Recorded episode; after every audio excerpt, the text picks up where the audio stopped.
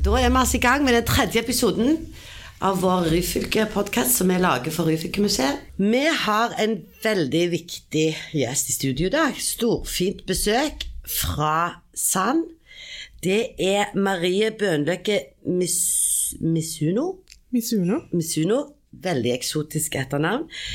Hun er førstekonservator og avdelingsleder for formidling på Ryfylke-museet på Sand. Velkommen til deg. Takk. Det hadde vært litt eh, spennende å vite litt mer om deg, Marie, for du er ikke norsk, for å si det sånn. Fortell. Jeg er født og oppvokst i Danmark. Hvor henne da i Danmark? I nær Silkeborg, midt i Jylland. Midt i Jylland, ja? Ja. Med føttene solidt planta i den jyske mul, som vi sier. Den jyske mol. Ja. Mm. Jeg er utdanna i England som historiker. Så har jeg gifta meg med en franskmann. Og så har vi bodd litt forskjellige land. Før vi kom til Syldal i 2020, bodde vi i, i Grønland. Mhm. Så Og, og når du var på Grønland, hva jobbet du med da? Der jobbet jeg òg på museum. Ja. Men eh, hvordan havna du på Sand, da, Marie? Det var egentlig litt tilfeldig, men vi er veldig glad for at vi havnet her. Mhm. Um, vi hadde lyst på å prøve noe nytt etter Grønland. Og så så vi det var jobb på Ryfylkemuseet, og så googla vi det der Ryfylke. Og det, det så veldig fint ut. Googla Ryfylke, ja. Og det så bra ut. Så pakka vi koffertene, og så reiste vi Ja. til Sand.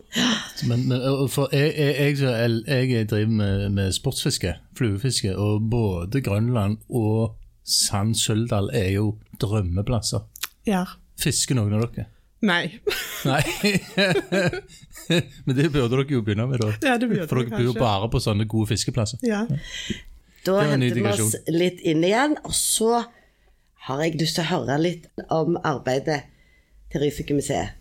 Ja, så Ryfylkemuseet er et kulturhistorisk museum med samlinger fra og i hele Ryfylke, så fra øylandskapet i vest til fjord og fjell i øst. Vi har hovedsete på Sand i Syldal, men vi dekker òg Sauda, Hjelmeland, Strand, Forsand, Finnøy, Rennesøy og Kvitsøy. Så det er et ganske stort geografisk område som vi jobber med. Og det som vi gjør, er at vi tar vare på gjenstander inklusive en rekke kulturhistoriske bygg. Og det er den materielle, fysiske kulturarven som vi jobber med. Men det er òg vår oppgave å ta vare på den immaterielle kulturarven, altså den levende kulturarven. Det kan være seks utøvende kunst som folkemusikk, tradisjonelle håndverkstradisjoner, men òg sosiale skikker som f.eks. humor. Men kan du si litt altså, hvorfor den er viktig, den immaterielle kulturarven? Noe av det viktigste med den immaterielle kulturarven er at vi bruker den.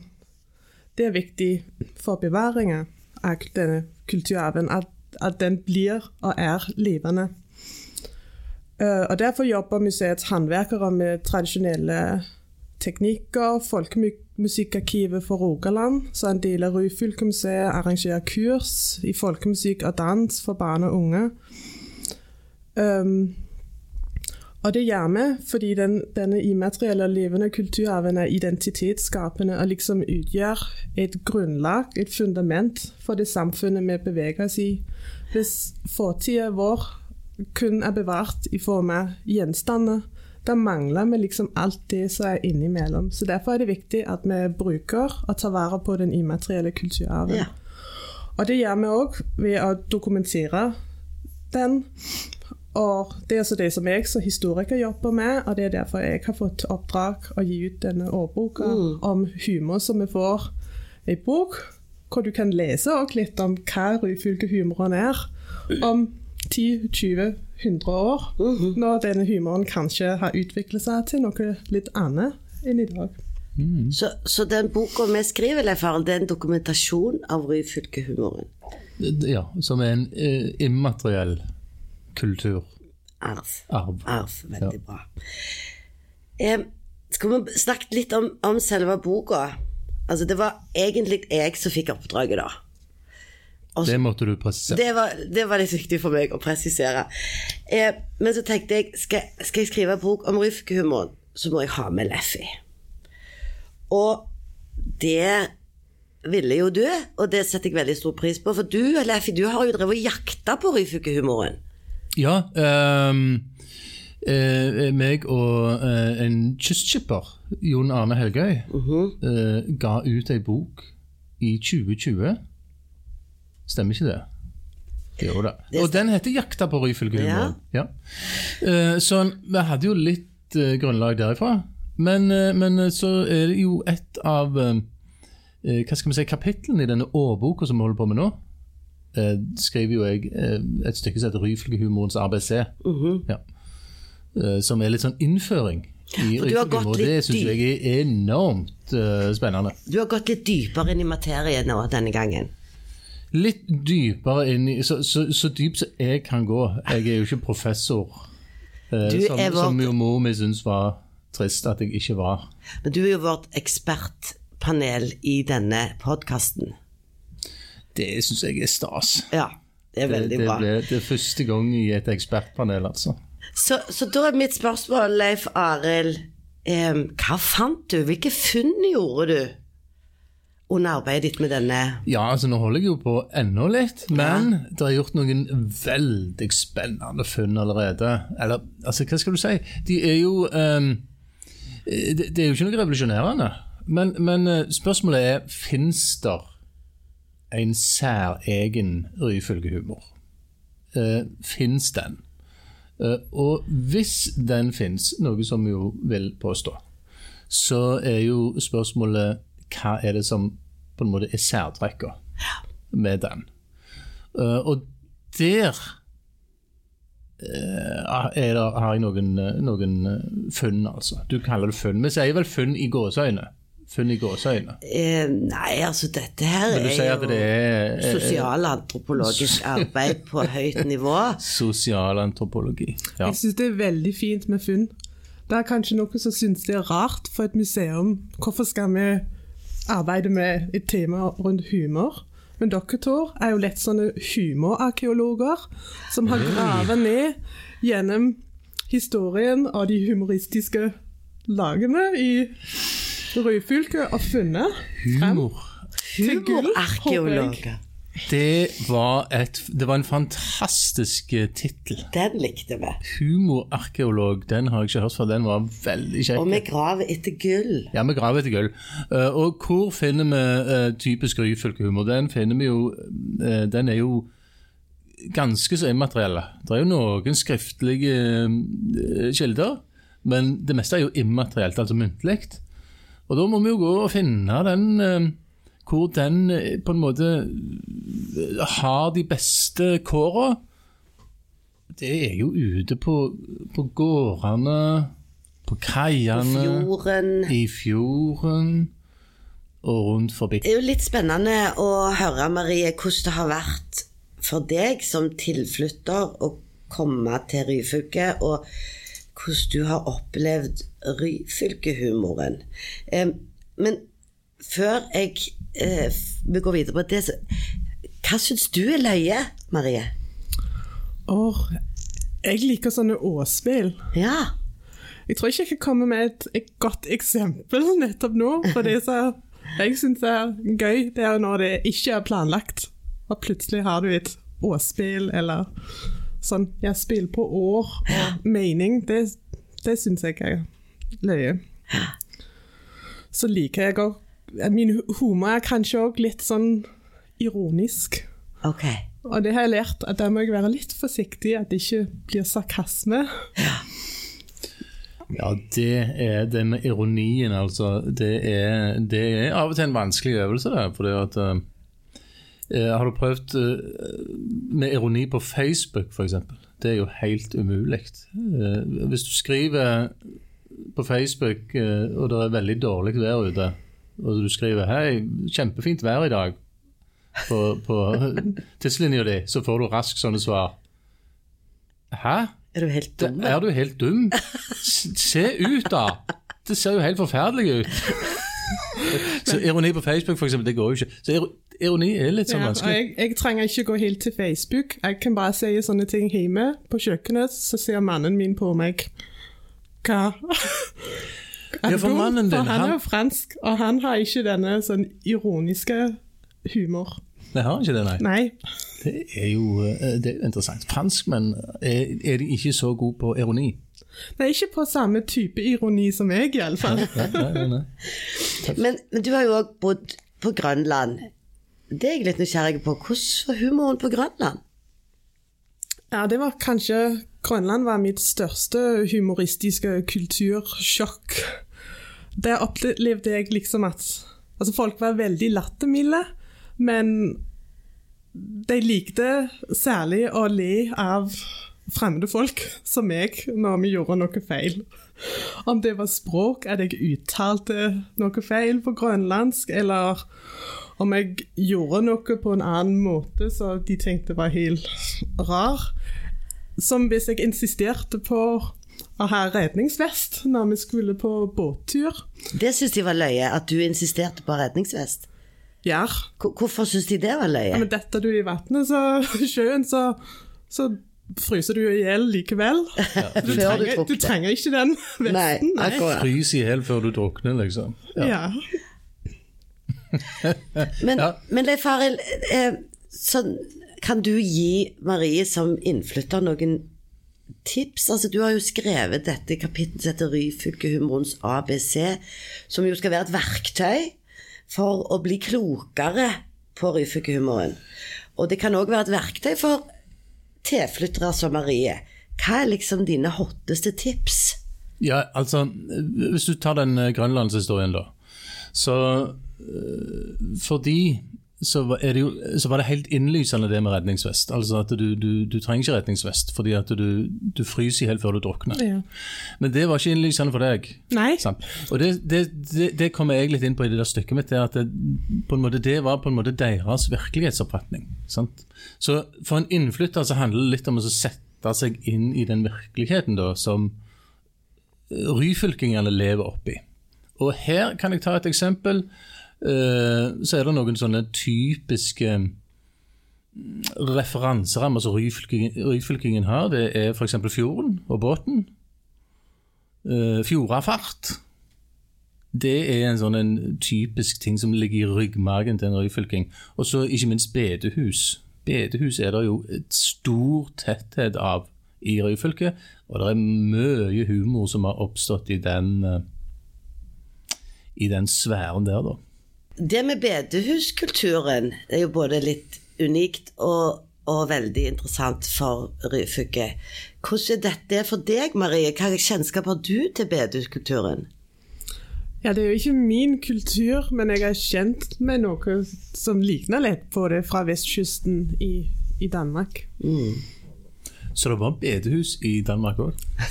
Et, et sånn indremisjonsk miljø som jeg tenker ligner litt på bedehusmiljøet her i Ryfylke. Har du gjort noen funn, Leffi, i forbindelse med dette med bedehushumoren? Altså, bedehushumoren det, det er jo en enorm tetthet av bedehus uh, i området her. Bibelbeltet. Uh, og det har gitt seg noen sånne utslag i humoren, og det er at det, det blir jo ikke eh, Det blir brukt veldig lite bannskap. Banning er liksom ikke noe som humorister her i området bruker i humoren sin. Til og med eh, komikerkolleger og venner som ikke er bedehusfolk i det hele tatt, eh, og som i dagligtalen ikke er redde for å bruke banning, de vokter seg vel for å bruke banning eh, når de opptrer i Rogaland, egentlig. Fordi at de vet at bedehus er på en måte en viktig del av kulturen her. Så derfor så, derfor så blir det liksom eh, Det blir litt sånn at en prøver å finne andre eh, humorpoenger som ikke der er banning i. Eh, Det som er litt interessant her, det var jo hvis du kunne gi Marie noen eksempler på typisk bedehushumor. Jeg regner med du har historier, eh, vitser, eh, opplevelser. Ja, altså så Hvis det at en eh, altså da, da blir det jo sånn at hvis vi ikke skal ha med mye banning og underbuksehumor og sånt, fordi at her i området er det masse bedehus, så blir det sånn at da finner en liksom andre typer vitser.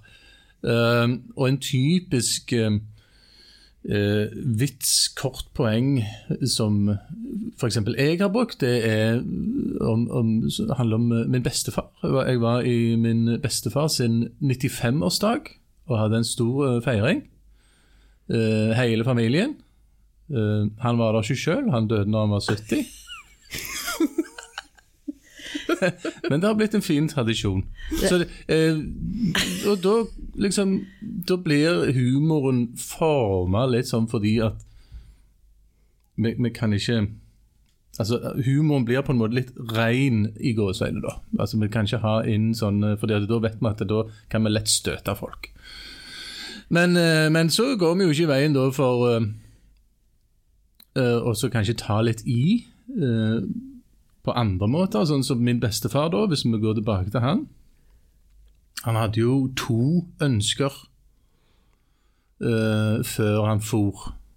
Vi sier for. Når noen dør. Når noen dør, så sier vi for. Ja. Han for. Uh, og han hadde to ønsker. Og det ene ønsket var at uh, han, ville bli, han ville bli spredd ut over preikestolen inne i Forsand.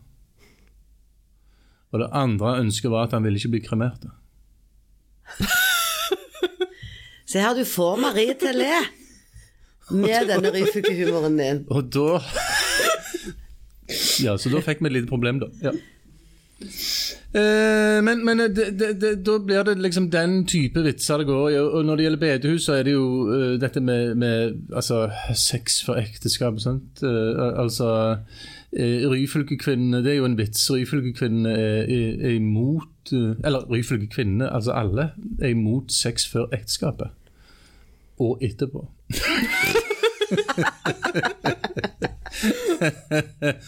Så det er ja. Kan- kan- Eh, Sjølironi, sjølironien eh, står veldig sterk, og det, det, står, det skriver jeg òg om i det stykket mitt. da.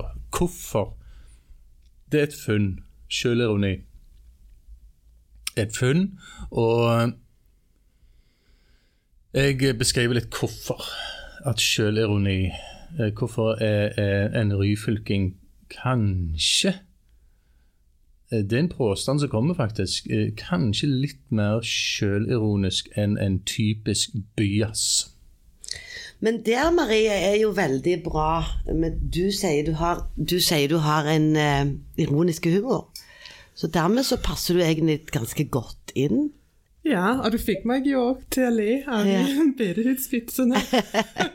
Alle de funnene som vi har gjort, Leif Arild, og, og det er jo ikke bare funn i denne boka, vi har jo òg intervjuer med mange spennende mennesker som uttaler seg om Ryfylke-humor. Alt dette er samla i ei bok som er årboka for 2023. Og årbøker, det har eh, vært en del av Ryfylkemuseet helt siden starten, Marie, stemmer ikke det? Ja, det stemmer.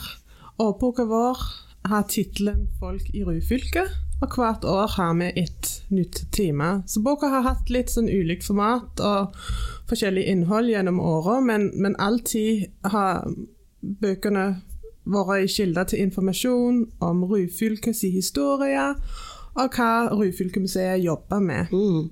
Så i fjor ga vi ut en årbok med tema om nynorsk, med tittelen 'Ryfylkerøyster'. Og da endrer vi litt på det fysiske formatet. Ja, for den kom i ny drakt. Nettopp. Så da fikk boka litt mer preg av magasin. Eh, tanken fra vår side er ikke å revolusjonere årboksjangeren, og innholdet skal ikke være så forskjellig fra sånn som det har vært tidligere, men vi ønsker liksom å presentere det litt i en annen drakt. Litt mer tilgjengelig, lett leselig Fresht. fresh, Så vi som museum òg kan appellere til dagens publikum. Og til litt yngre folk som vi ønsker å dra inn i museet. Og vi ønsker jo mest av alt at folk vil lese bøkene våre. Mm. Ja, og, og denne årboka blir jo en veldig bra ordbok. Ja, klart det. Det blir jo helt fantastisk. Eh, humor eh, er jo Det, det, det selger jo godt, det. Eh, men du, det, jeg må jo si at du, du har jo en veldig spennende bakgrunn, Marie, da, med, med at du er altså kulturhistorie... Hva, hva var tittelen din? Ja, jeg er historiker. Ja, Jeg er egentlig middelalderhistoriker, men nå jobber jeg med alle tider. Ja, ja, og eh, det er jo Altså, i middelalderen da, da var, sikkert, var, det, var, altså, var det humor da? Ja, jeg tror alltid det har vært humor. Så de lo da òg. Ja, men, men var det ikke sånn eh, For at, eh, jeg syns jeg leste en plass at det var sånn Det var nesten forbudt å le i noen kretser. Sånne, sånne middelalderkloster og sånne ting. Som var latter. Det var fysj. Kan hende at det var sånn noen plasser, men det var ikke sånn alle plasser. Det er jo sånn at de fleste av de skriftlige kildene som vi har fra middelalderen, kommer fra dette religiøse klostermiljøet, for det var der folk satte seg ned og skrev. Og det har vi fra det angelsaksiske England, f.eks. samlinger med vitser og gåter og Er det vitser Ja, fra den tida? ja. De må jo jeg få se! det har jeg jo kjempelyst til. Uh, nei, men, men, men humor var jo i noen kretser farlig. Jeg leste nettopp at i andre verdenskrig uh, så var det jo uh, så var det jo forbudt å kalle kjæle, kjæledyret sitt for Adolf. det, var, det var det liksom Hitler han sendte ut et dekret altså, til hele riket sitt. At han, det han var mangler rett og slett den sjølironien som karakteriserer Han Ryfylke. hadde gjort det dårlig i Ryfylke, Adolf Hitler. Adolf Hitler hadde gjort det dårlig som humorist i Ryfylke. Nå har det ikke vært noe stort problem med bruk av hans navn etter andre verdenskrig, heller verken på mennesker eller Nei, nei, nei. husdyr. Nei. Altså For en ryfylking så ville det være en ære hvis folk hadde, opp, altså hvis noen hadde kalt hunden sin Leif Arild, så hadde det jo kjempekompliment. Men Marie, det er jo veldig trist nå, for du, du skal jo av gårde, du. Ja, Eh, med, med en båt inn i fjorden. nettopp. Ja. Eh, men du kan ikke reise fra Finnøy uten tomater. Nei, Det går ikke. Så jeg har ordna noen tomater borte på Lausnes gartneri. Noen sånne Juanita-tomater. De der små søte, vet du. tusen takk, Leif Arild. Tusen takk for at du, du har gitt oss dette spennende oppdraget. Og så må jeg få si tusen takk for at du kom eh, og var med i podkasten. Og så sier jeg som vi pleier å si i Ryfylke, vel him.